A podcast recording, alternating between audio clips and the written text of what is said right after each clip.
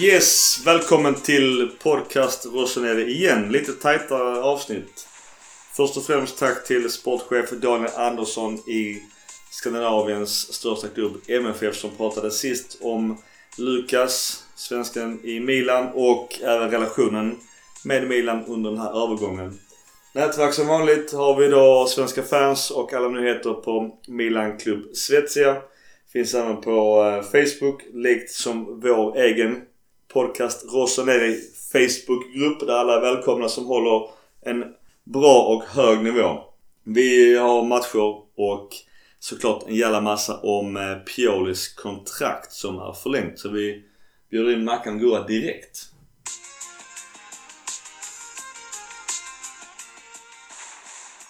Okej Mackan, välkommen. God morgon. God morgon Gurra, välkommen. Tack. Ottan. Ja. Vi kör en officiell direkt, hoppar rätt in i hetluften. Stefano Pioli extended his agreement as AC Milan head coach. He will remain the club head coach until June 2022. Var landar vi? 2022. Två nya år med, eh, det är väl rykte om lön på 2 miljoner euro. Det vill säga halva Ivan Gazidis. Gazidis säger själv till hemsidan I am delighted with the agreement, said the club's CEO Ivan Gazidis. Stefano has shown he can deliver the vision of football we have for our club.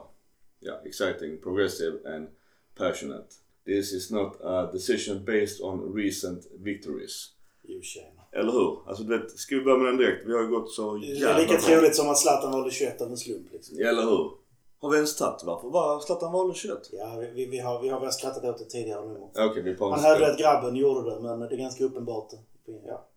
Men i alla fall eh, officiellt Stefano Pioli är tränare. Det var ju jävla massa rykten om Ivan, äh, om Rangnick. Han var tydligen klar enligt massa medier. Jag tror att han är rätt så ärlig när han säger att det är inte bara baserat på de senaste... Det måste vara någonting mer. Ragnhild kanske inte ville. Eh, Han fick kanske bättre erbjudanden någon annanstans. Kände inte att han skulle kunna göra laget bättre direkt och därför hade han fått väldigt mycket kritik i början av nästa säsong. Det var tufft den pressen. Så jag, jag tror faktiskt inte att det bara är där. Och alla som klagar på att Gazidis har varit ute och härjat och letat efter tränare. Det är för fan hans jobb att göra det. Pioli var en nödlösning när det gick dåligt i början av förra säsongen. Vad ska han göra? Ni är dumma i huvudet om ni tänker att han ska sitta där och tro att Pioli ska lösa allting. Det är hans jobb. Han har ju rätt mycket pengar för det också så att... Och jag tycker också Ragnik, det var ju spännande. Alltså det, det sa jag också. Sen hade jag också mina farhågor kring det. Men eh, mycket just det här eh, alla spelar in som är jävligt spännande. Men det vad som händer med han här ungraren från Läske-laget. Szoboszlai. Det, ja. Frågan, är, frågan är om han vill gå lika mycket nu. Men det är fortfarande en superspelare. Får vi in honom så ska vi bara tacka och ta emot. Jag, ser tror att alla ryktena inom transfer kommer ändras totalt nu. Tror jag. Allt annat är ju baserat på att vi skulle ha Ragnik som, som tränare. Och spelsystemet och spela därefter. Precis. Så jag tror att det kommer ändras jättemycket nu. Alltså det här, här gör ju klubben ett, ett vägval. Och jag säger det ibland, ibland alltså, det handlar ju om att ta ett beslut och välja en väg. Att det är viktigare än att stå och vela. Sen om rätt eller fel, men att, att, man, att man visar vad man vill. Eh, sen är det ju så här att Pioli, han, han har gjort, han har gjort väl sju eller åtta bra matcher nu efter uppehållet. Och det ska vi inte säga till, men det var det var knackigt innan. Det var eh, så här. Är han, är han äntligen en långsiktig coach? Det svaret vet vi inte förrän om ett år. Sen att man nu tar det här beslutet och chansar. Alltså Ragnik hade varit, jag är ganska säker på, det, det hade varit resultat, alltså riktigt bra resultat över en femårsperiod. Visst, han måste bygga, min Micke älskar att slänga sig med att eh, ruta noll hela tiden. Men frågan är om det hade varit det eller om hur, hur det hade sett ut. Men Pioli bygger vidare på det han har. Han har redan en grund. Så kan Pioli funka så kan det vara en superlösning. Men det är en chansning med Pioli, det ska vi inte komma ifrån. En, nästan en större chansning än en Ragnike i ett femårsperspektiv. Fast Men- frågan, där är frågan, har Milan ett femårsperspektiv? Även om vi kanske får det som eh, kommunicerat. Nej men han ska få fem år. Det var ju det här eh, mycket pengar och hans revolution har ju också outats en revolution. Och då menar jag på att Innan var så jag ground zero igen och igen. Men jag är helt säker på med Rangnick om det nu hade blivit det. Som allting tyder på. Han har ju också en väldigt tydlig filosofi med fotbollen och spelar där till. Det är mycket rykte, och en rykte såklart, men spelar även ut som är dominerande i dagens Milan och spelar in. Och att inte se det som ruta ett, det, alltså för mig är det ju en omöjlighet att byter du ut 3, 4, 5 startspelare till 3, 4, 5 nya startspelare med ny taktik. För mig är det definitivt ruta ett. Men sen är ju frågan också om, om nu Maldini, han sitter kvar. Vad säger du om det? Vi hoppa in i den diskussionen. Det är väl inte klart. Nej, inte officiellt. Vi var inne på det förra avsnittet. Kärr eh, skulle inte köpas loss. Två dagar senare köptes hans loss. Ragnik var klar. Nu är han inte klar. Det är rykten. Vi måste komma ihåg det. det är, ingenting är säkert förrän de har skrivit på. Vi vet att Maldini har kontrakt ett år till i alla fall. Mm. Eh, Vi vet att eh, Pioli har två år till. Det kan ju vara att vi kommer att betala honom i två år utan att han är tränare i två år. Men Alltså Piolis track record indikerar ju på att han kommer få sparken i november. Men kan det här funka?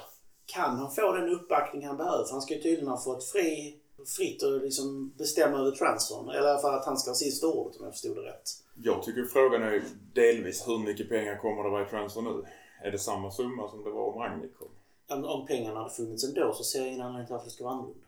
Men tänk också om nu, säger just rykte, Rangnick hade fått fem år på sig. Tänk om Pioli hade fått fem år på Ja, sig men- med samma budget. Alltså det, köpa in spelare för 75 miljoner euro per säsong. Ja, men alltså, Då hade jag gjort ett bra jobb. Idag, det elva jag tog ut. Den elva ni båda tog ut. Då hade vi en budget på 50 plus lite försäljningar i och för sig. Det laget vi alla tre tog ut hade kanske varit topp tre, minst topp fyra. Nu ska jag tydligt när jag säger femårsperspektiv så innebär jag, menar jag inte att resultaten kommer efter fem år. Utan under, under en femårsperspektiv så, så kan det komma titlar löpande. Men att det är fortfarande... Eller inte. Eller inte. Det är så, så är det ju alltid. Det är ju aldrig liksom en garanti på någonting. Men kan Pioli bygga på detta? Kan han hålla i? Klarar han av att vara coach en längre period? Alltså han har ju visat att han är väldigt duktig med de korta pilarna. Är han lika bra med de långa pilarna? Eller kanske det som är Maldinis roll i det hela. Det tycker jag är Maldinis roll i det hela. Mm. Eller Massaras, för sportchefen ska ju egentligen bestämma vilken form av fotboll vi vill. Tycker jag. Vem styr vem där? Blir Pioli styrd av Maldini Massara? Eller Jag, jag, Får tycker, Pioli jag, fria händer? jag hoppas att de har ett samarbete och inte styrda. Mm. Utan att de har ungefär samma vision. Det fanns ett intressant rykte som sa att, om att eh, Rangnick skulle komma in som då sportchef och Pioli var kvar som coach. Att det var ett krav från Gazidis. Ja, att det var därför Rangnick inte ville. Ja. Mm. Och det kan, det kan jag delvis köpa om han nu är en sån total kontrollfreak. Ja, både ja och nej. Men det dummaste ryktet jag hört varför han tackade nej var för att Milan köpte loss Kär. det kan ju Det, jag, det var det som gjorde att han inte ville komma. Kom igen. är det det så, så skulle han inte vara i Milan överhuvudtaget. Nej, inga bra, inga bra spelare. Ja. För Rangnick var väl även positiv till en ålderstigen man som Zlatan som också verkar ha kontraktet på bordet just nu enligt ryktena. Min känsla är här. Det vi ser nu. Detta är, alltså den här vägen. Det är mer en Milan-väg. Med Rangnicke så hade vi gjort någonting som aldrig hade gjorts i Milan förr. Och det var också det jag var orolig för. Ja. Det här är Milan back to basic. Att köra vidare med Pioli, att ge dem resurserna att bygga på det som finns. Och det, det är framförallt det vägvalet vi nu ska ta ställning till. Och därför har många varit så rädda för Rangnicke. Att det skulle vara ett helt nytt blad egentligen. I väg framåt. Som jag pratade om, de här hårda mjuka värdena. Jag tyckte också att det var spännande med Rangnick och hans, det han har gjort i läskelaget. Däremot så som du sa Mackan, det finns ju två sidor av det. Det är nog ännu fler spelare på andra sidan myntet som inte blivit ett skit. Sen att det han har tagit fram från ingenstans är ju jättebra. Så det finns ju hur många bra spelare som helst. Men sen är det återigen en helt annan klubb, helt andra pengar, helt andra resurser, helt annan press. Kultur, språk, liga. Alltså där är många saker som, som kan fallera. Och det kan ju som så, ja det kan bli Champions League-plats år 2, 3, 4, kanske 5. Men det kan också bli totalt total kaos. Kommer han in som ställer i ledet, raka led, vattenkammat åt sidan. Alltså verkligen kör, alltså vi säger ordning och reda i ett eh, italienskt land med den kulturen. Som jag sa i något avsnitt höjer mitt varningens finger. Och nu blev det inte så ändå men det hade kunnat bli en kulturkrock. För att summera ordet. I alla fall efter coronauppehållet. Jag tycker att Pioli har rätt så bra pli på våra spelare. Den där pressen som vi kör just nu, det har jag inte sett i mina på många, många år. Det, var ju nog, det är nog hans räddning att, att det blev det här uppehållet. Ja, definitivt. Det skulle lika väl kunna gå åt andra hållet eftersom de inte hade träffats på så lång tid. Men det alltså- skulle faktiskt kunna bli så. Men oavsett så står vi vid ett vägval nu. Får Pioli rätt uppbackning, rätt resurser, vi får lite tur med värvningarna, vi får in rätt spelare nu. Så kan vi ha många roliga år framåt. Men det kan lika väl gå åt andra hållet om vi har en icke-sommar. En jäkligt svår transfersommar också. Ja. Det måste vi ju tänka Ja. på. Men vad jag ska säga som jag tyckte var positivt med Gazidis. Jag sitter alltid där djävulens advokat när det gäller honom för jag tycker han får för mycket skit. Men han har i en intervju sagt att vi ska gå framåt med en, en, ett ungt lag uppblandat med erfarenhet. Och det har han inte sagt tidigare. Nej. Och det har han sagt nu. Och det har väl vi ändå efterlyst i princip hela tiden att man kan inte bara satsa på 22-åringar. Men, men med tanke på Milan som liksom av snitt haft en medelålder på 33 i sitt lag, eh, i, i, av, av hävd nästan, så hade det varit en väldig eh, skillnad att gå ner till medelålder på 24. Trots att Zlatan och Kjär kom i, i januari så tror jag vi ligger på andra plats i yngsta startelva. Och, har ändå Och Begovic. Och Begovic. Också en åldersman. Men det har vi sagt hela tiden och det tror jag också är rätt koncept. Och det var också en annan sak som jag sa orolig för. Gianpaolo, ny tränare, ny taktik och bara köpa unga spelare. Vi har ju gjort det. Det gick skitdåligt. Sen så tror jag också att Rangnick är en bättre tränare och coach och manager. Absolut. Och hämtar resurser in för att han hade kanske fått Korea som nummer 10. Men Ja, nu har vi Pioli 2 miljoner och Ragnik vill väl ha minst 5 enligt ryktena. Och då Ivar som ska dra in snåla på pengarna har väl också en tanke kring 5 miljoner per år kontra 2. Alltså i min värld han kunnat få 50 bara vi får titlar. Ja. Alltså rent krasst. Vad, vad är en titel värd? Och det är därför det är så svårt att, innan att göra, alltså göra en bedömning är han värd eller inte. Nu kan vi titta på var, var Gianpaolo värd sin lön. Ja, det är lätt att säga det. Var Gattuso värd sin lön? Är Pioli värd sin lön? Ja, hittills. Och så vidare. Pioli säger också på AC Milans hemsida We are at the beginning of an ex extraordinary path. If we keep working this way we will grow and be more and more competitive. Sliska orden till fansen som vi gillar. Men någonstans, vi har ju någonstans satt 4, 2, 3, 1 som taktik och det går ju skitbra. Vi har väl varit inne på det rätt mycket men han har i alla fall fått de flesta spelarna att spela på sin den position de trivs bäst på. Vilket i kombination med att vi förstärkte på ett vettigt sätt i januari med erfarenheten gjort att vi faktiskt är bättre idag än vad vi var för ett år sedan. Trots att vi förmodligen hade skördat mer, eller skördar inte lika många poäng i år som i fjol. Vi får in Zlatan, vi får in Kär, vi, vi blir av med Suso. Och nu får Solon sålt. Alltså alla de grejerna gör ju att laget går ju starkare framåt. Sen har du då också Gazidis nu berättat att eh, vi ska inte, det kommer inte betalas någon kompensation till Ragnik som har ryktats om. Då, då det innebär att betalas ut en kompensation så är det ju ingenting som är påskrivet och bryter ju inte Milan någonting. Ja, det kan ju också vara så att det är för att det är han som har brutit kontraktet. Kan det också vara. Ragnik var inte nöjd med dealen. Men du Nej. kommer, men du blir manager och inte tränare.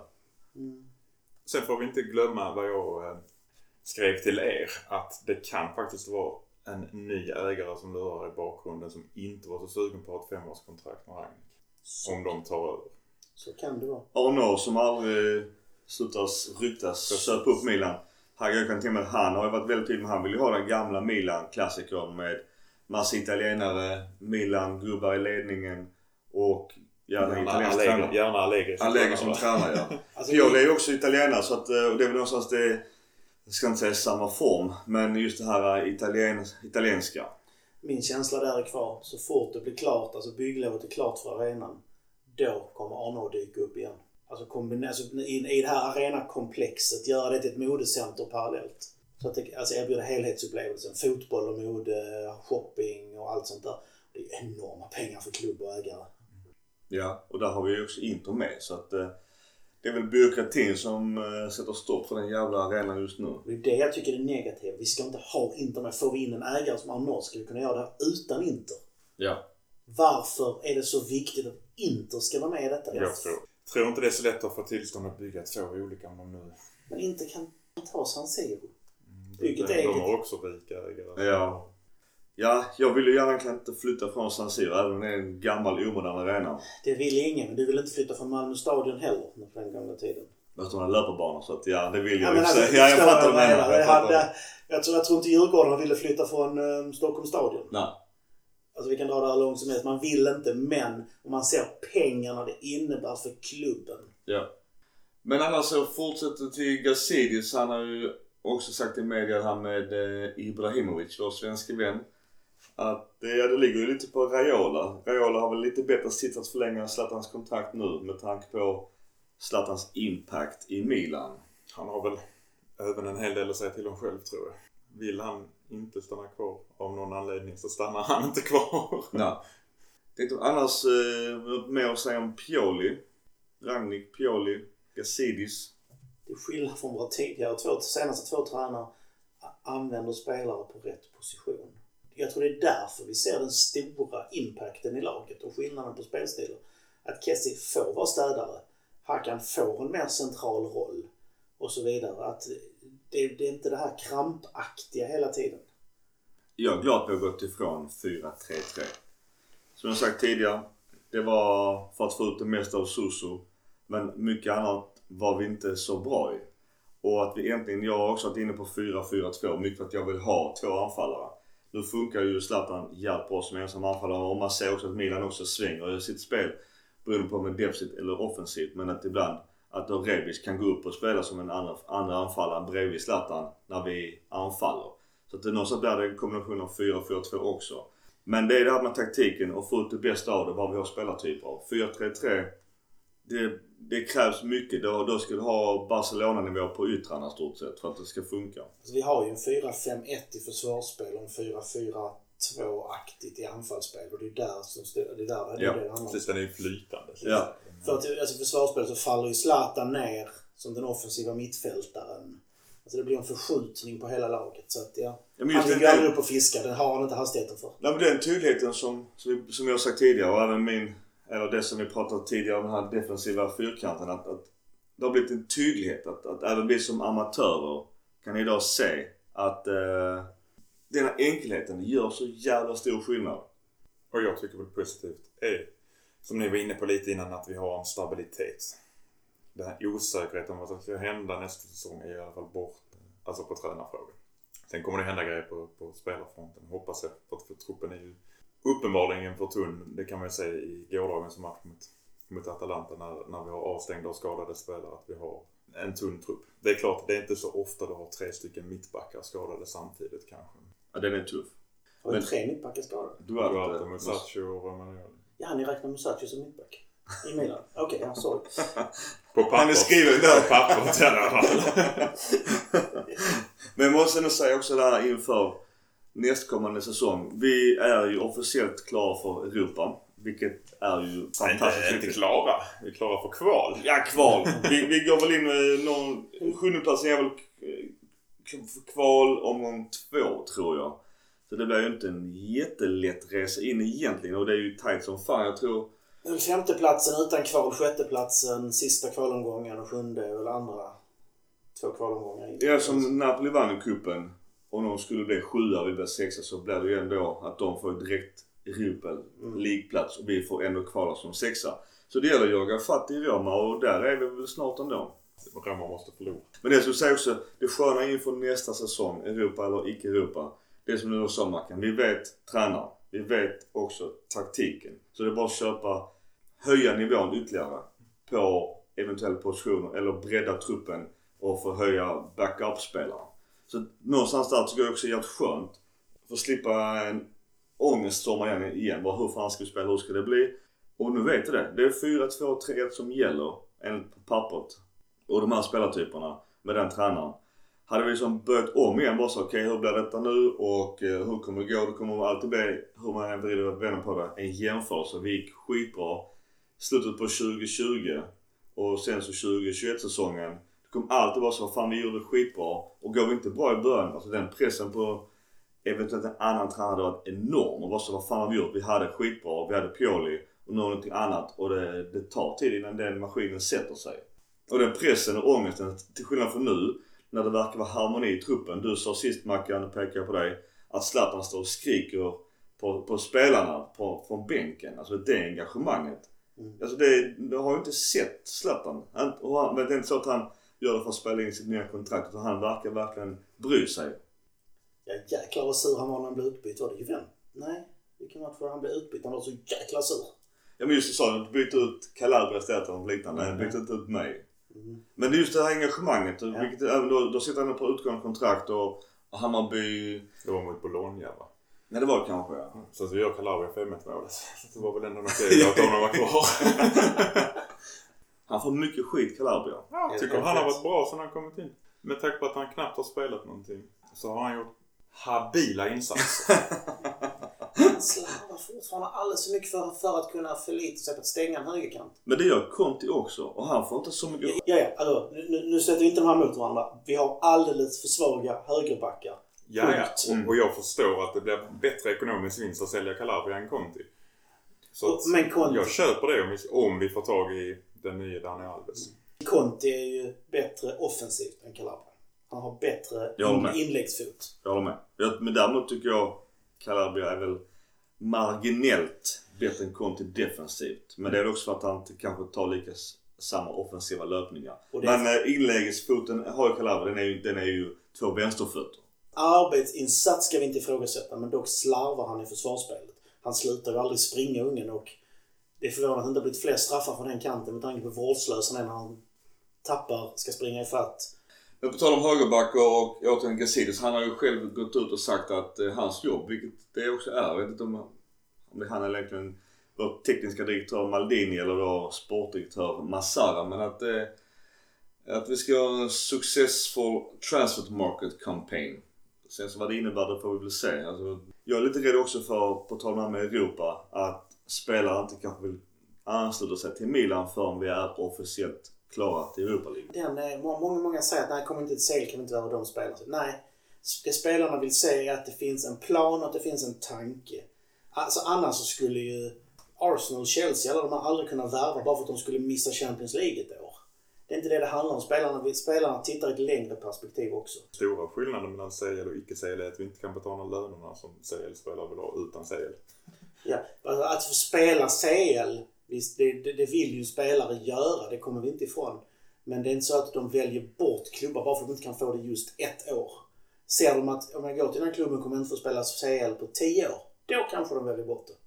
Men inte på ett eller två års, eh, nej. Ska vi lämna tränarfrågan och gå över på matcherna? Ja.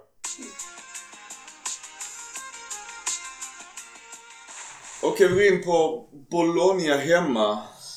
På vår San Siro med Davide Massa som tränare. Vi spelar som sagt 4-2-3-1. Det har satt sig. Så där på förhand är ingen jätteenkel match. Nej, Bologna med vår kompis Sinisa Mihailovic som tränare. Han kramade om de flesta av våra grabbar. Så det var ju ett fint återseende och jävligt gött att han är tillbaka. Han springer, vad någon sa att han sprang en, snart en Mm. mil om dagen igen. Lika stort as som han var som spelare, lika, lika trevlig och ödmjuk verkar han vara nu. Alltså det, ja, han har växt i mina ögon som han blev tränare. Jag gillar inte honom innan. Jag tycker någonstans också det var lite synd att inte han fick en helt ärlig chans i Milan. Men ja, nog om det. Vi uh, vinner Någon som inte med... gillar honom som spelare. Vilket lag spelar han för? Ja, Inter och Lazio. Så att det är... För mig är det, eh, ja. I alla fall, vi vinner 5-1. eh, Stora siffror. Propagandafilm. En ny spelare som har officiellt som vi tog sist det är då uh, Selemakers. Uh, hans, han gör sitt första mål. Och jag tycker han är ändå ganska, som du säger Gurra, habil spelare uh, som truppspelare. Han springer ju. Han Ja, jobbar ju så in i helvete. Han och Calabria på den kanten. Det är ju inga, det är inga stjärnor. Det är inga sexiga namn. Men fy fan de springer mycket. De har ju varsin mil i benen på, på matcherna. Ja, det är ju ett steg ner från Castillejo Conti. Det kommer vi ju inte ifrån. I alla fall offensivt. Absolut. Eh, Båda två gör varsitt mål här. När gjorde Conti och Castillejo? Ja, Nej, nej, nej, nej, precis. Men det är fortfarande nivå under vad vi behöver, behöver ligga. Jag tycker både Conti och Castillejo är under en nivå vad vi behöver. Ja, det är det jag menar, det jag menar. på tredje nivå Ja, men det är det jag menar. De är liksom två steg ner mot vad vi behöver vara. Ja. Men absolut, Sellemakers visar ju att han vill vara i truppen och det, han, ska ju inte vara startspelare på ett par år. Eller så kommer han vara den här guldavbytaren som vi alltid kan sätta in. Vi alltid vet vad vi får. Jag kan ändå tycka med tanke på hans ålder och hur han tagit sig an Milan och ligan sitt första år från en mycket mindre liga. Jag tycker han har gjort det jävligt bra. Alltså, jag, vet, jag hade inga förväntningar på honom. Som jag sa, ja alltså det där med 3 plus 3,5 plus 3,5. Jag tycker han är värd de pengarna idag. Han har långt kontrakt, han är ung. Potentialen, jag säger inte att det är nästa Castillejo eller nivå högre än honom. Men det är alltså en arbetande mittfältare. Kan aldrig underskatta det. Så det är som han Park i United med fyra lungor. Har vi en spelare som springer minst 12 kilometer på mittfältet per match. Då har man mycket större chans att vinna matchen. För det handlar om vilket lag springer mest.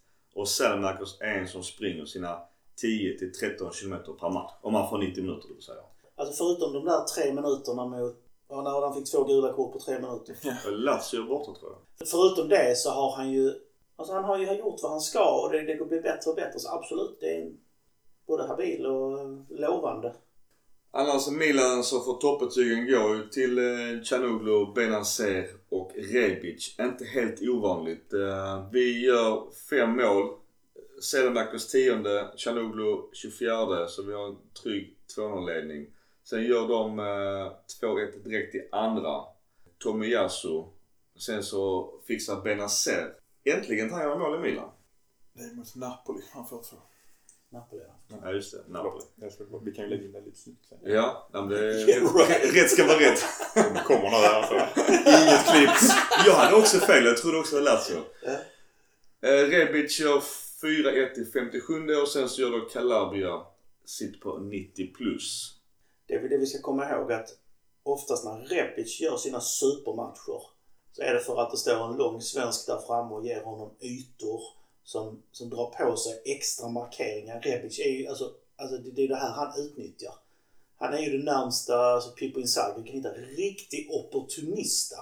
Hitta de här ytorna som skapas, de här små, små ytorna och stå rätt. Jag måste bara säga på tal om Inzaghi. Har ni någonsin sett honom, och det är ingen jämförelse, göra överstegsfinter. För det har fan inte jag gjort. Nej. Kanske inte den tekniskt mest begåvade av våra... våra... Pippi Inzaghi behövde aldrig det. För den killen stod aldrig fel. Och, och, till och med när han står fel så får han den ryggen in. Till exempel i en viss match. Det var en fin match. alltså det... men på tal om Inzaghi och ja. Nej men alltså Rebic är ju opportunista. Ja, på det sättet är de lika varandra. Väldigt, väldigt, väldigt. Det du säger, det är fint att se just Inzaghi och nästa Kramarman. De möttes ju härom sistens.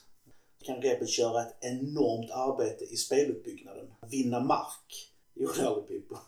Rebic är en jobbig jävel att möta. Alltså, dels för hans eh, skitskön överstegare som alltid går hem av någon konstig anledning. Men han har ju också återigen till den arbetskapaciteten. Jag älskar ju spelare som krigar, har sina 10 km i benen varje match. Man inser matchvikten på Rebic och Zlatan offensivt och stångas med det som backlinje. Det är lite därför jag kan summera att jag vill se båda två kvar i nästa säsong. Jag vet också att vi har tidigare sagt, även jag själv, att eh, Zlatan är som en startman en säsong 2021. Känns ju inte rätt. Men samtidigt så, alltså ålder, alltså rent fysiologiskt, hans fysiologiska ålder kan ju vara 30. Och där är det ingen gnällt. Om man tar bort hans siffra i passet. Bara se på vad gör han på plan? Vad gör han för laget? Vad gör han för truppen? Vad gör han för mentaliteten? Hade ingen ens ifrågasatt om han ska ha ett nytt kontrakt eller inte. Jag kan väl säga på, om vi var inne, om jag går tillbaka lite på Rebic så denna matchen visar han ju faktiskt att han kunde passa ganska bra. Titta upp och passa istället för att bara springa och slå den på måfå in mot målområdet. För här gjorde han många bra passningar. Vi byter in eh, din kompis Gurra i Biglia och Krunic Bonaventura Leao och den unge killen som föddes på Milanello Colombo. De gör väl inget jättestörre intryck eh, i matchen. Leao gör ju för sig en assist men annars så är det inget större intryck på våra byten. Men då är väl egentligen matchen... Då är matchen klar. Ja. Vad för ont har Bresciani gjort egentligen? Vi har en jätte vi har en ung, superlovande central mittfältare i Bresciani. Lagkapten, alltså som Gjort jättebra i primaveran och så, alla förutsättningar. Men han får inte hoppa in. Men Biglia får. Ja. Som är på väg ut. Som borde varit såld för två, tre säsonger sedan. Men Bresciani får sitta snällt kvar på bänken medan Biglia kommer in och gör bort sig som vanligt. Biglia blir inbytt i 79 och då är matchen stendöd. Det, det står redan 4-1. Och jag håller med dig, där kunde Bresciani fått i alla fall ja, från de 79 och fram till. Bara för sakens skull, för den är död matchen.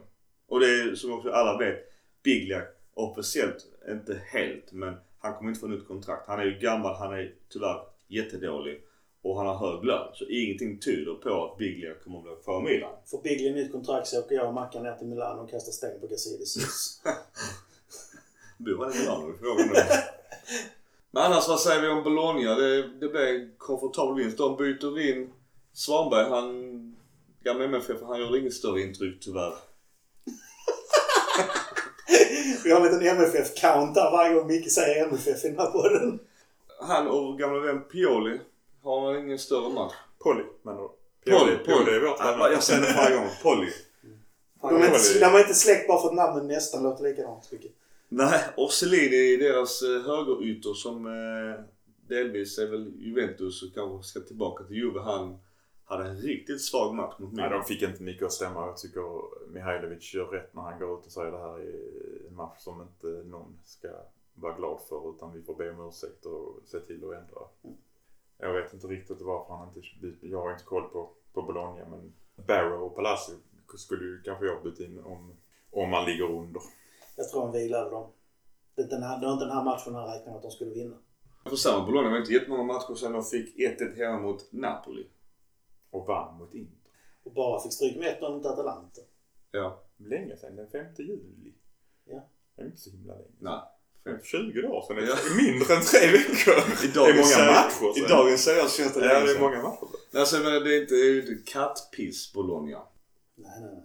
Men du, vi lämnar Bologna och går över till nästa match.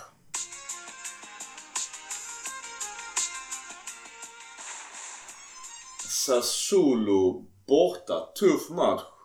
Deras 4-2-3-1 så som vi spelar. Roberto de Serbi. På deras MyPay Stadium. En jävligt konstig arena. Luca Pietro dömer. Jag har fortfarande ingenting att gnälla om domarna. Jag vet inte om det går hand i hand med våra poäng. Men eh, vi vinner 2-1. De, Välförtjänt vinst. Mm. är det Vi var bättre. Rakt av var vi bättre. Jag- Det enda jag kan klaga på Milan i den matchen är att vi borde gjort ett eller två mål till. I och med att eh, just i den matchen så var det poängskillnad som gjorde, alltså målskillnad som gjorde att Napoli låg för oss.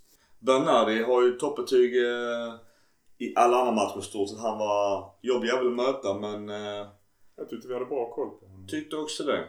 Och vi ska vara jäkligt glada att han inte får den passningen där i slutet på Verdi. Eh, Då hade det kunnat bli 2-2. Vår gamla vän i Lucatelli som jag gärna ser tillbaka i Milan. Han får kort. Han gör en, som du säger habil insats. Eh, överlag är ju en jävligt duktig spelare. Jag är bara rädd för att han hamnar i en toppklubb och är inte Det- vi. Och det inte vinna? Nej, jag är lite rädd för det.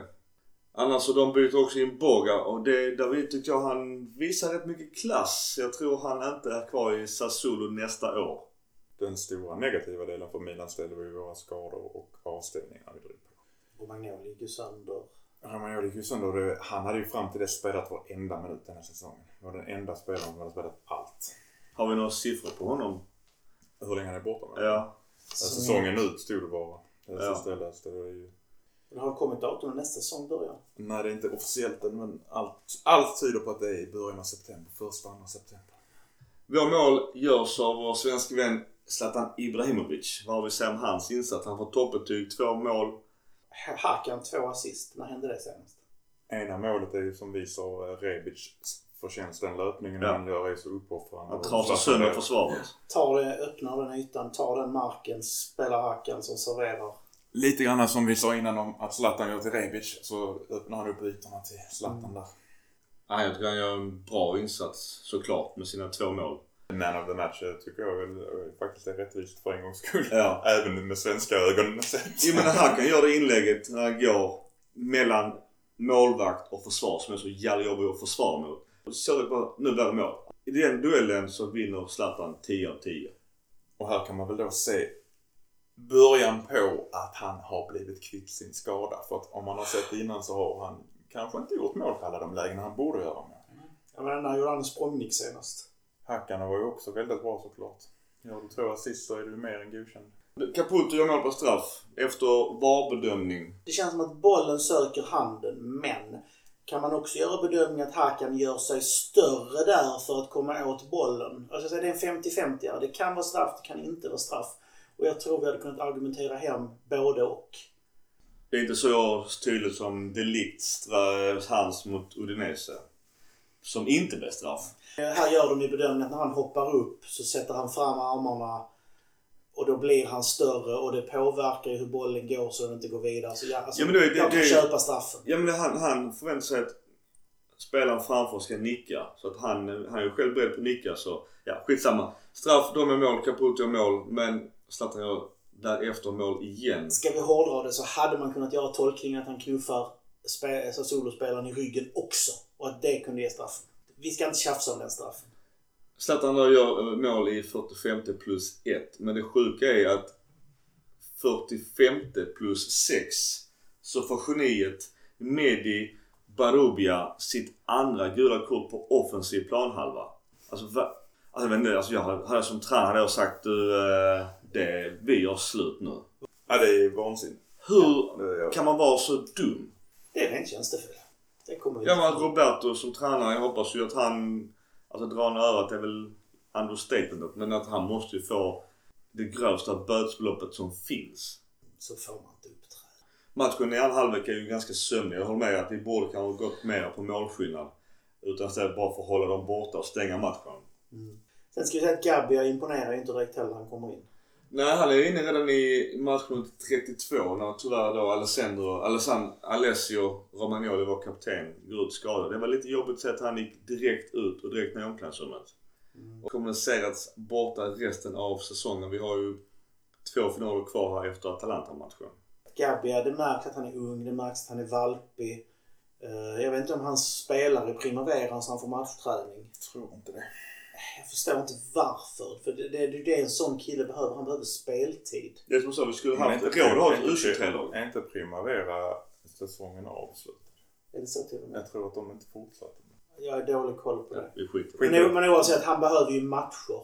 Och det ultimata för honom det är som sa, ett U23-lag där han spelar varje vecka och sen sitter han på bänken i A-laget. Och nu får om inte annat ju. Ja precis. Så det är jättebra. Du, vi vänder Sassuolo-vinsten matchen. Och det är ju den matchen som faktiskt gör att vi minst får kvala till Europa. Denna. Mm. Det tog poängen där som gör att vi inte kan bli mm, sämre än sjua. Det är mycket också att vi petade just ner Sassuolo som var ju en en- för oss. Sexpoängsmatch som man säger. Matematiken i mig avskyr det Ja, uttrycket. jag Ja, ja. om det heller. Jag hatar också det. Jag bara ryser när jag hör det. Bara vänta, vadå sex poängs match? Hur i helvete är det möjligt? Ja, men alla fattar.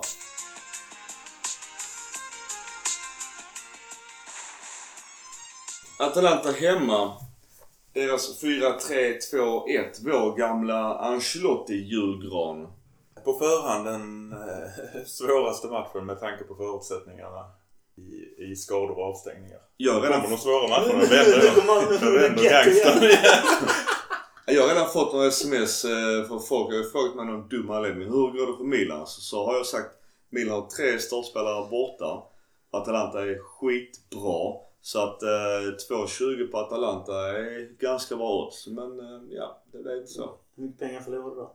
Ja, Jag spelar inte själv längre. Jag eh, har lagt ner med betting faktiskt. För det, det är alltså, jag tror, in, innan hade jag en sån plan. Jag ju spela för 100 spänn i veckan och hitta tre säkra matcher. För då gör jag ändå så plus 300 spänn per vecka. Så det blir rätt mycket pengar per, alltså på ett år. Men sen har jag byggt upp en budget på ja, några tusenlappar så börjar man så tilta helt. Vem gör nästa inkast? 50-50. Alltså jag vet, när det börjar med 50-50 oddsen helt plötsligt bara så, kan jag göra Milan fler än 10 hörnor? Alltså du gör inte spela på vinst eller förlust men spela på allt annat bullshit och starta live betting. Och sen rasar det. Det är samma varje gång så jag har lärt mig läxan efter... En lottorad och en stryktipsrad i veckan. Det funkar. Ja, jag kör nästan hellre andelsspel för då slipper jag skylla på mig själv. Men åter till Atalanta hemma 1-1. Eh, på förhand så är det ju ganska bra. Speciellt som sagt var med tanke på förutsättningarna. Hade vi haft full startelva med Benazer och, och Theo så hade jag, Och Romagnoli. och Romagnoli så hade jag eh, fortfarande tyckt att en poäng är helt okej. Ja. Med tanke på förutsättningarna hur bra Atalanta varit så kunde det bli tvåsiffrigt liksom. För Atalanta, De stora avbräcket för Atalanta var- är väl Illich som har varit eh, skadad en längre. Han går väl på något program för att kunna vara tillbaka till Champions League med PSG förhoppningsvis. vår gamla mittback Mattia Caldara, han eh, stångas med Zlatan. Jag frågar också i chatten, har ni märkt av honom? Alltså man, har han utmärkt sig? Eller stuckit ut på något sätt? Jag tänkte inte riktigt på honom själv. Jag tyckte han, Toloi var... Ah, jag tror du skrev Calabria, därav mitt svar. Ah, mm, ja. Mm. Kaldara tyckte jag utmärkte sig att han var otroligt offensiv för att vara mittback. Han var Mm. väldigt högt upp många gånger. Och hade mina varit något snabbare i sina omställningar med framförallt med Benazer på plan och bollarna går på rätt håll så hade vi kunnat utnyttja det där lite mer. Han följer ju Zlatan ganska mycket. Det känns som att eh, han hade fått rollen, du ska punktmarkera Zlatan. Och det är inte heller det lättaste att göra så då måste man ge lite cred till Caldara. Jag tycker vi ska ge cred till Zlatan för att jag tror inte han... Hur många långbollar tror han inte ner? Jag tror han vann 99 av 100 långbollar. Ja, alltså magiskt bra. Den här matchen, där, där kläddes han verkligen av, Lucas Biglia. Alltså först ska man vara glad att han fick rött kort på den stämplingen. Det fanns alla fog i regelboken för det. Det blev video på den och straff. Ja, det, men det hade lika väl kunnat bli rött och straff. Med tanke på hur han går in, var han sätter det, hur farten, benen och så vidare. Det som stör mig bara att avbryta.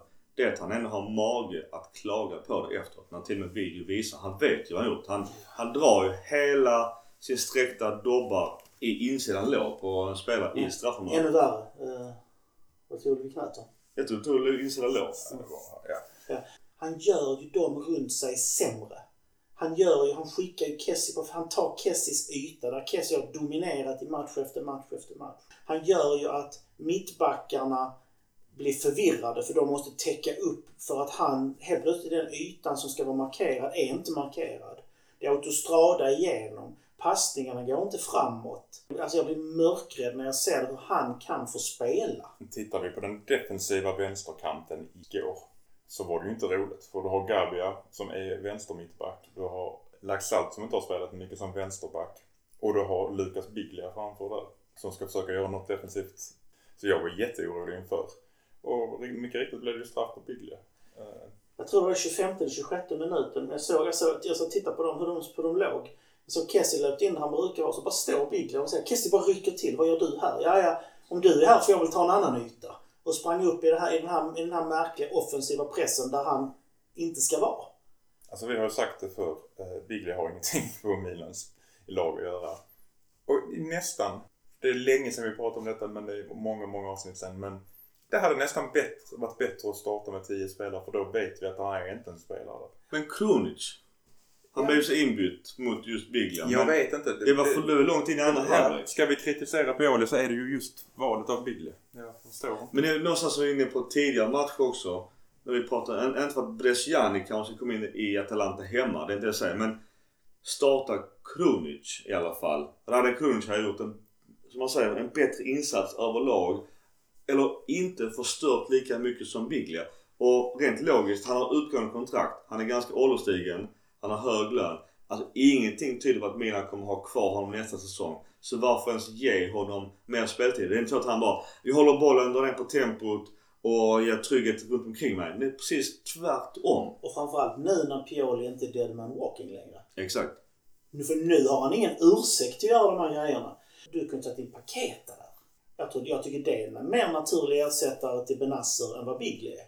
Utifrån motståndet tror jag nog Kronic, Kronic hade varit bättre för han är ju mer defensivt lagd än Paqueta. Då hade du haft två hyfsat bra defensiva mittback, eller äh, mittfältare. Jag är helt med på att hellre Kron- Kronic. Alltså, alltså Kronic hade varit det första. Speciellt med tanke på att vi har Gabia som är lite valpig då. Och jag menar att vi har ju två spelare som borde gått före Biglia. Och egentligen Bresciano också. Och egentligen vaktmästaren också. ja, du har, du har en poäng. Jag tycker att jag borde gå in och få spela lite. Jag tror inte du har gjort bort det lika mycket i alla fall. Vi byter ut oss som sa Big Leverkusen redan i 62. Då gör vi också bytet Rebic mot Leao och Chanoglu mot Bonaventura. Vi, Dels eh, måste ju... Ja, förlåt, Bonaventura har också gjort bättre jobb. ja, Vi måste ju prata om Chalanoglu's mål innan du bryter ut. ja, sorry. Är det årets mål? Den är snygg i alla fall. Det är det bästa han har gjort i Milan. Det, det, det, det, är- det är lite som För att han Tony var, med Kroos. tanke på att han var kött för att göra sådana här grejer. Ja, äntligen. Men om vi ändå pratar om eh, Hakan Chanoglu. Han har ju... Hans kontrakt är ju... Det går inte ut än men det... Det är mycket nu rykte kring honom. Han har ju själv, som du sa Mackan, dementerat att det är en massa rykte att han, att han vill lämna. Jag hoppas inte att han vill lämna för att vi har ju kritiserat honom ganska hårt här eh, under hans större del av kontraktstid. Mycket på grund av återigen 4-3-3 som jag inte tror passade honom. Men idag är han ju fantastisk. Jag ser han som en definitiv startspelare.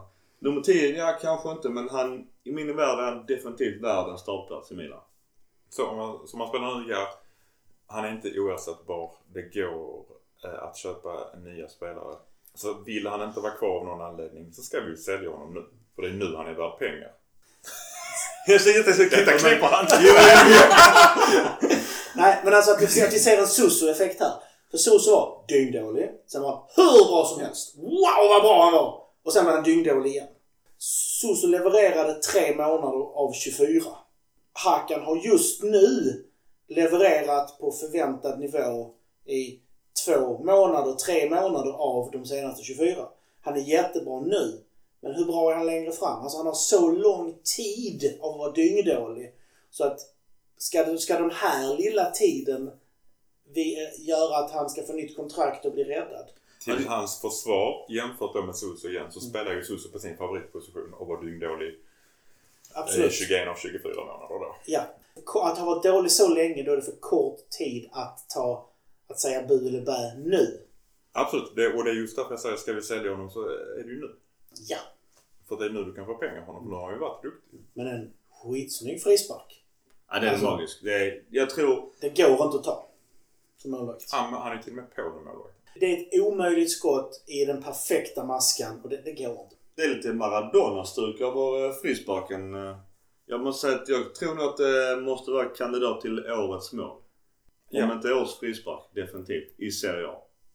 Ja, jag tycker det var riktigt. Han skulle inte heller förvåna mig om han kanske lämnar som bossman. Det hade varit lite jobbigt. Ja, å andra sidan får vi ett, ett helt år till med honom då. Annars sidan också ska vi sälja honom för nu kan vi faktiskt till och med göra en vinst. Eftersom det blir hans fjärde år i Milan. Och skulle vi då sälja honom för ja, 10-15 fast han bara ett år kvar så gör vi ju en vinst på det. Nu kan vi sälja honom som frisparksspecialist. Faktiskt. För jag menar, sett i hans eh, omdöme och betyg 2020 så sett på mål och passningar och löpmeter så har han otroligt bra statistik efter Corona. Som nu många andra Milan inför sig. Men eh, hade haft längre kontrakt så tror jag att han har haft helt andra värdesiffror. Alltså ska man se, förlåt att jag avbryter, men ska man se, om man nu gör jämförelsen igen med Suso så den stora skillnaden är att hela laget har ju börjat leverera.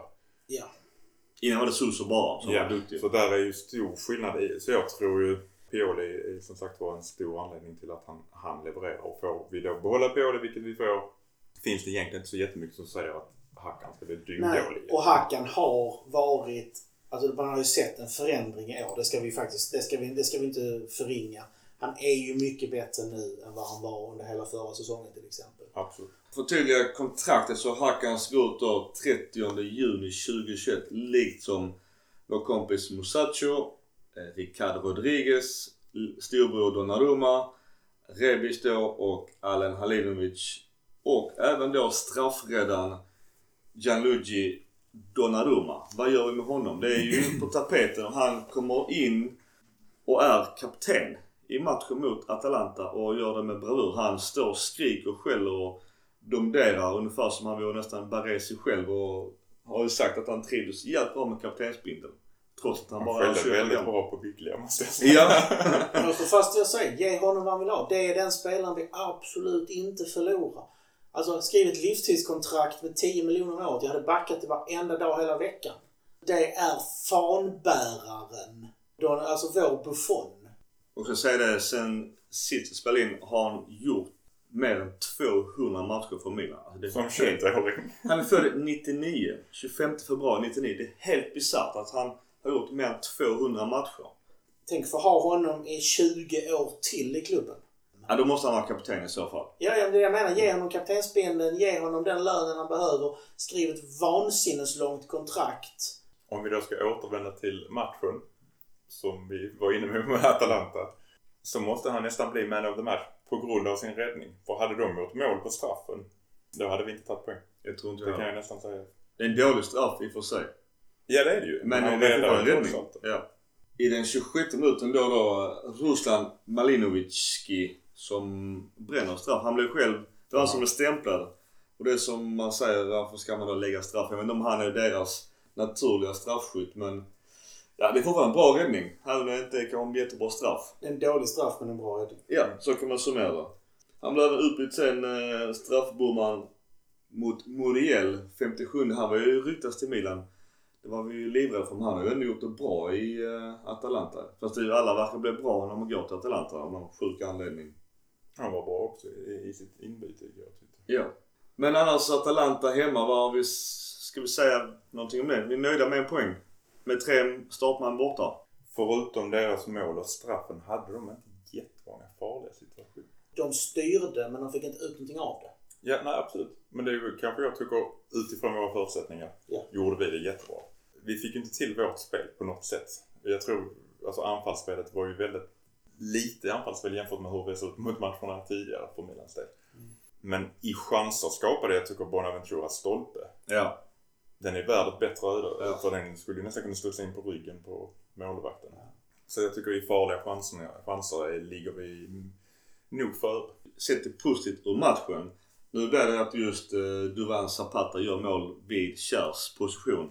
Lite otur, men jag, jag Det skrev är lite svårt för. Calabria tar, försöker hinna ifatt och den studsar på Gabia va? Gör inte det?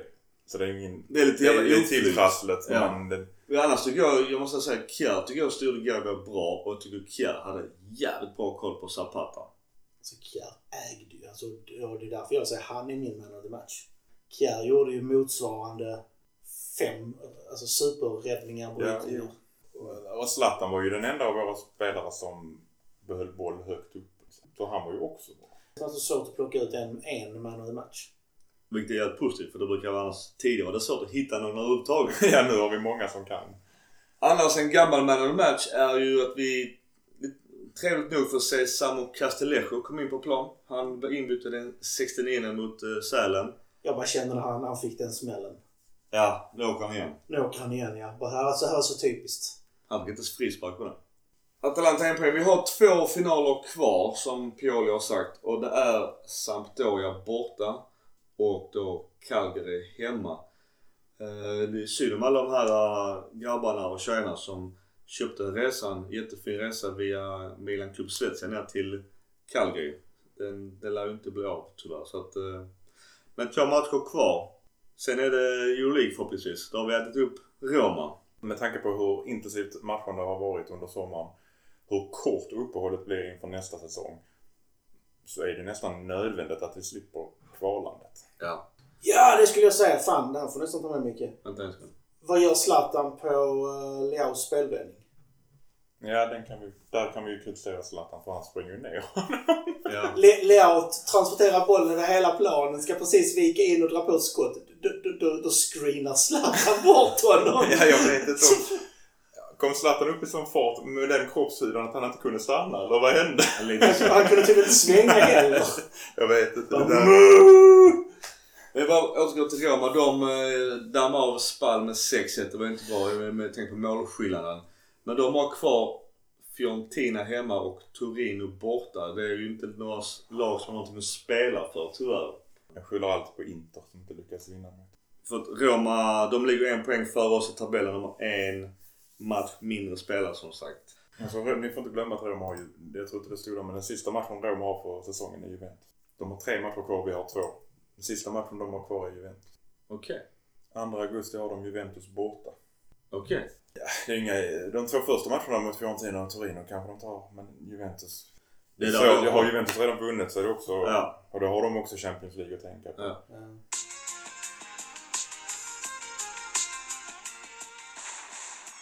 Vi sa det förra gången, men eftersom det fortfarande diskuteras överallt i forumen, Milan Club Svezia och så vidare. Om nu Juve eller Atalanta vinner, kan vi få spela Champions League och så vidare om det blir femma? Nej, så här är det. Varje land får max ha fem, fem lag i Champions League. Det femte, om du vinner CL eller EL så kan, eh, av ett lag som inte ligger på topp 4 i det egna landet, då kan ett lag få fem. Eller om ett land har lag som både vinner CL och EL, då förlorar det fjärdeplacerade laget sin Champions League-plats till förmån för den som vann Europa League. Så det finns inget annat. Men däremot om nu Roma skulle vinna Europa League här, blir då sexa, då kommer vi få direktplatsen till Euroleague. Vi kan inte komma in i Champions League som det ser ut nu. Så vi bara hålla på Roma. Ja. Lite rykte, bara en snabb, tuff, eh, icke-politisk fråga. Det vill säga ja och nej. Nu är ju även Chelsea enligt rykte intresserad av eh, Benazer av förklarliga skäl. Och eh, Milan har ju en hög prislapp, runt 50 år, och vilket jag tycker är helt rätt. Varför, varför ska vi rea ut spelare? Det- Vi har också en lista på spelare köp, äh, spelarförsäljningar ut och den är ju, ja det är ju Kaká. Nu var det ju Sus som annars är det ganska dåliga siffror. Men Chelsea vill inte lägga så mycket pengar men vill slänga in Jorginho. Ja, när på det Mackan? Nej. Jag vill inte sälja Benazer. Gurra? Håller fortfarande Jorginho som en bättre spelare. Uh, jag klart inte göra någon Benazer. Frågan är vad pengarna emellan hade blivit. Ja. Det är det det handlar om. Och bara det att vi får pengar emellan. Tänk bara just med tanke på Chelsea. De har, äger ju Bakayoko. Bara du, Bakayoko och Jorginho mot Benazer. det är svårt att säga nej till den. För oss Ja. ja. Lättare för Chelsea. De kan tänka sig nog det. Alltså Bakayoko är ju frysboxen. Men så, annars... Så säger du själv Micke. Oh, oh.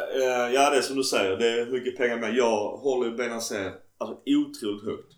Jag tror att han kan bli bäst i världen på sin position. Faktiskt. Ja, Han är så pass ung. Han har så mycket potential.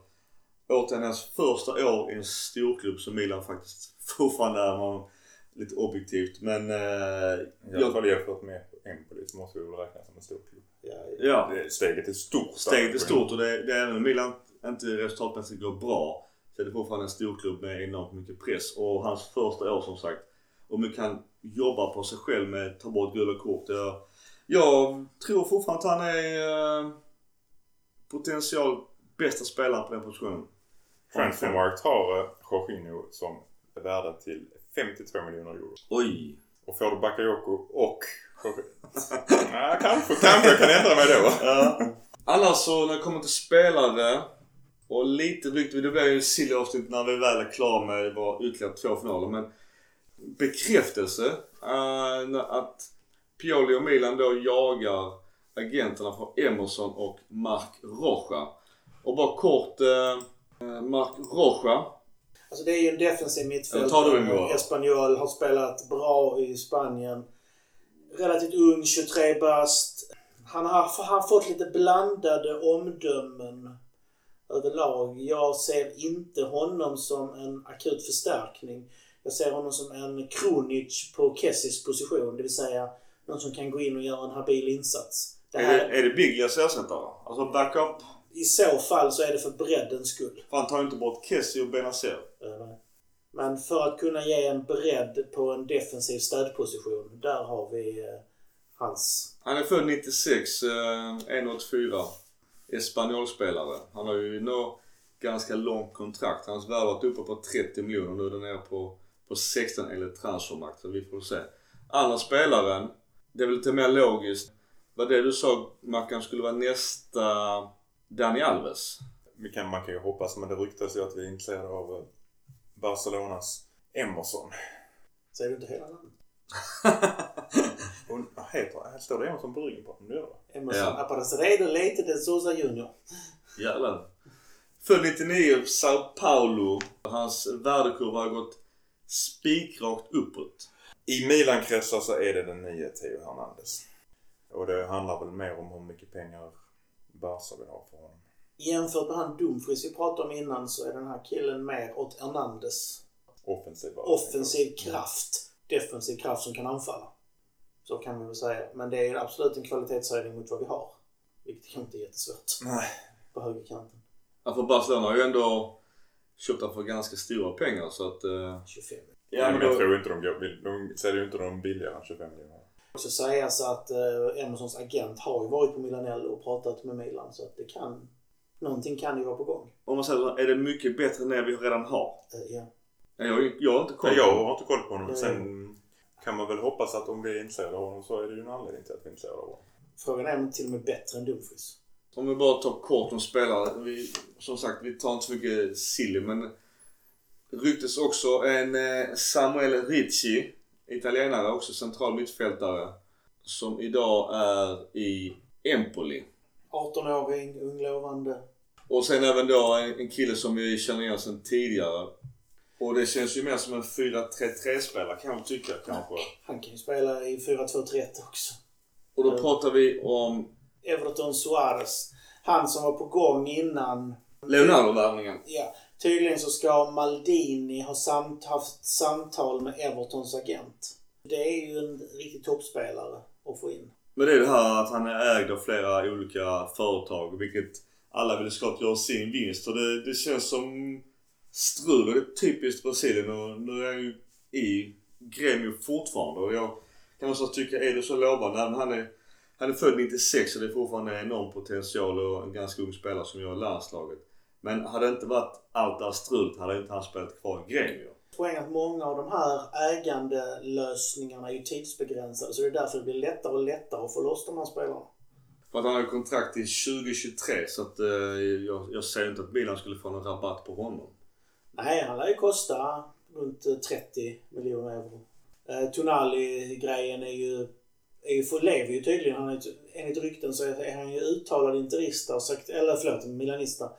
Och sagt till sin agent att han vill gå vill till Milan. Då får han pengarna. Ja. Brescia vill ha 50 rakt av, punkt. Okej, Tonali. Han född 2000.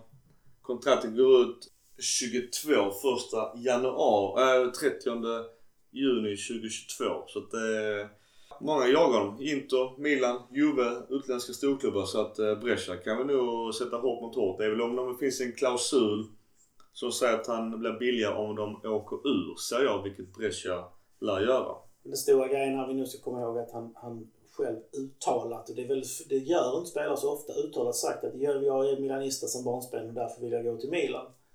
Det, hade inte, det klingar inte bra om han går till Inter sen.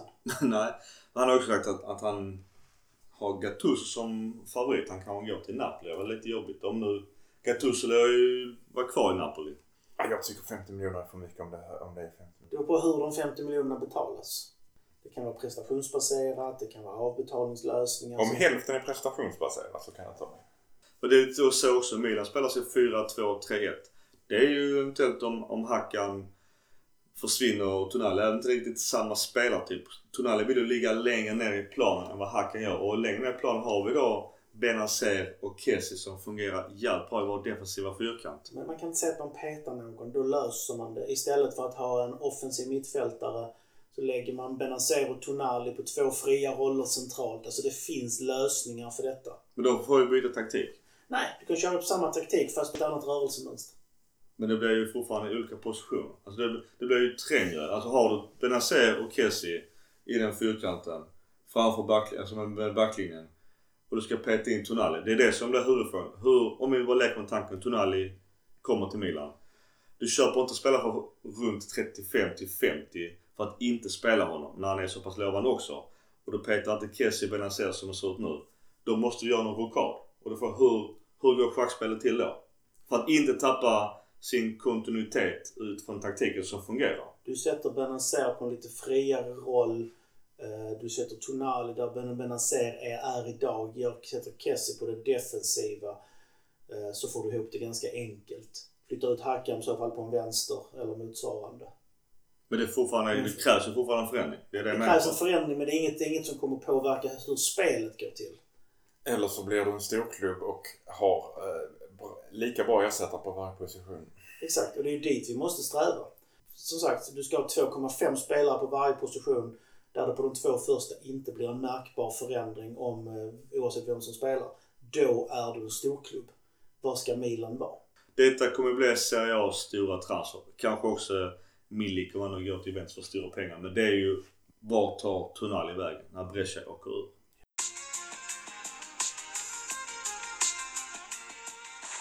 Okej, vi snackade sist om City och deras jävla financial fair play. Gurra, har du mer info kring det? För det var också en lyssnarfråga. Ja, jag har faktiskt fått en hel del info om detta. City fick ju då reda på att de blev avstängda för att då Uefa hade ju tolkat reglerna så som, eller dömt dem efter så som de tolkade reglerna. City överklagade och gick hela vägen till CAS. CAS tittade vad som är skrivet och det är som så här att på de stora punkterna bedömdes det att City inte hade gjort något fel. Det fanns vissa mindre punkter som inte hade gett avstängning från CL men som hade gett viss, viss form av bestraffning men på dem hade preskriptionstiden gått ut eftersom det var så länge sedan. Inget av det här hade ens uppmärksammats om inte tyska, vad är det, Bildt tror jag var, sin undersökning. Så att på de stora grejerna hade de inte gjort någonting. På de mindre grejerna hade preskriptionstiden gått ut. Anledningen till att City får böter, det här är lite roligt, det är ju för att de inte samarbetade så mycket som förväntas av dem under utredningen av KAS. Därför fick de böter. Inte för något de hade gjort. Det var snarare det de inte gjorde. Sen kan man tycka vad man vill om City, men de har tydligen följt regelverket. Ja, då Eller betalt rätt personer. Ja, precis. Jag... Och så kom konspirationsteorin. Ja, ja. Oh! Nej, jag köper inte det. Problemet är att det här regelverket är ju... Hittepå. Nej men alltså Uefa har gjort ett regelverk som det finns för många kryphål i. Och då får de faktiskt skylla sig själv i slutändan. Och rent de vet ju att det finns kryphål och de har inte täppt till dem just för att sånt här ska kunna glida mellan fingrarna.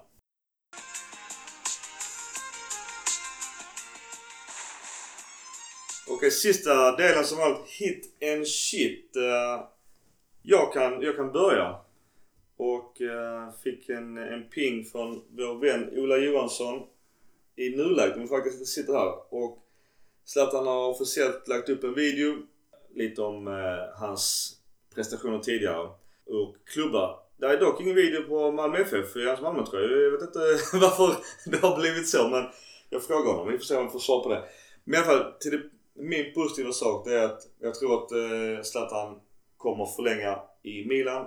Och jag är positiv till det. Jag tror att han ligger mycket i att Milan går bra mentalt. Vi viker inte ner oss. Det tycker jag är positivt som fan. Negativa.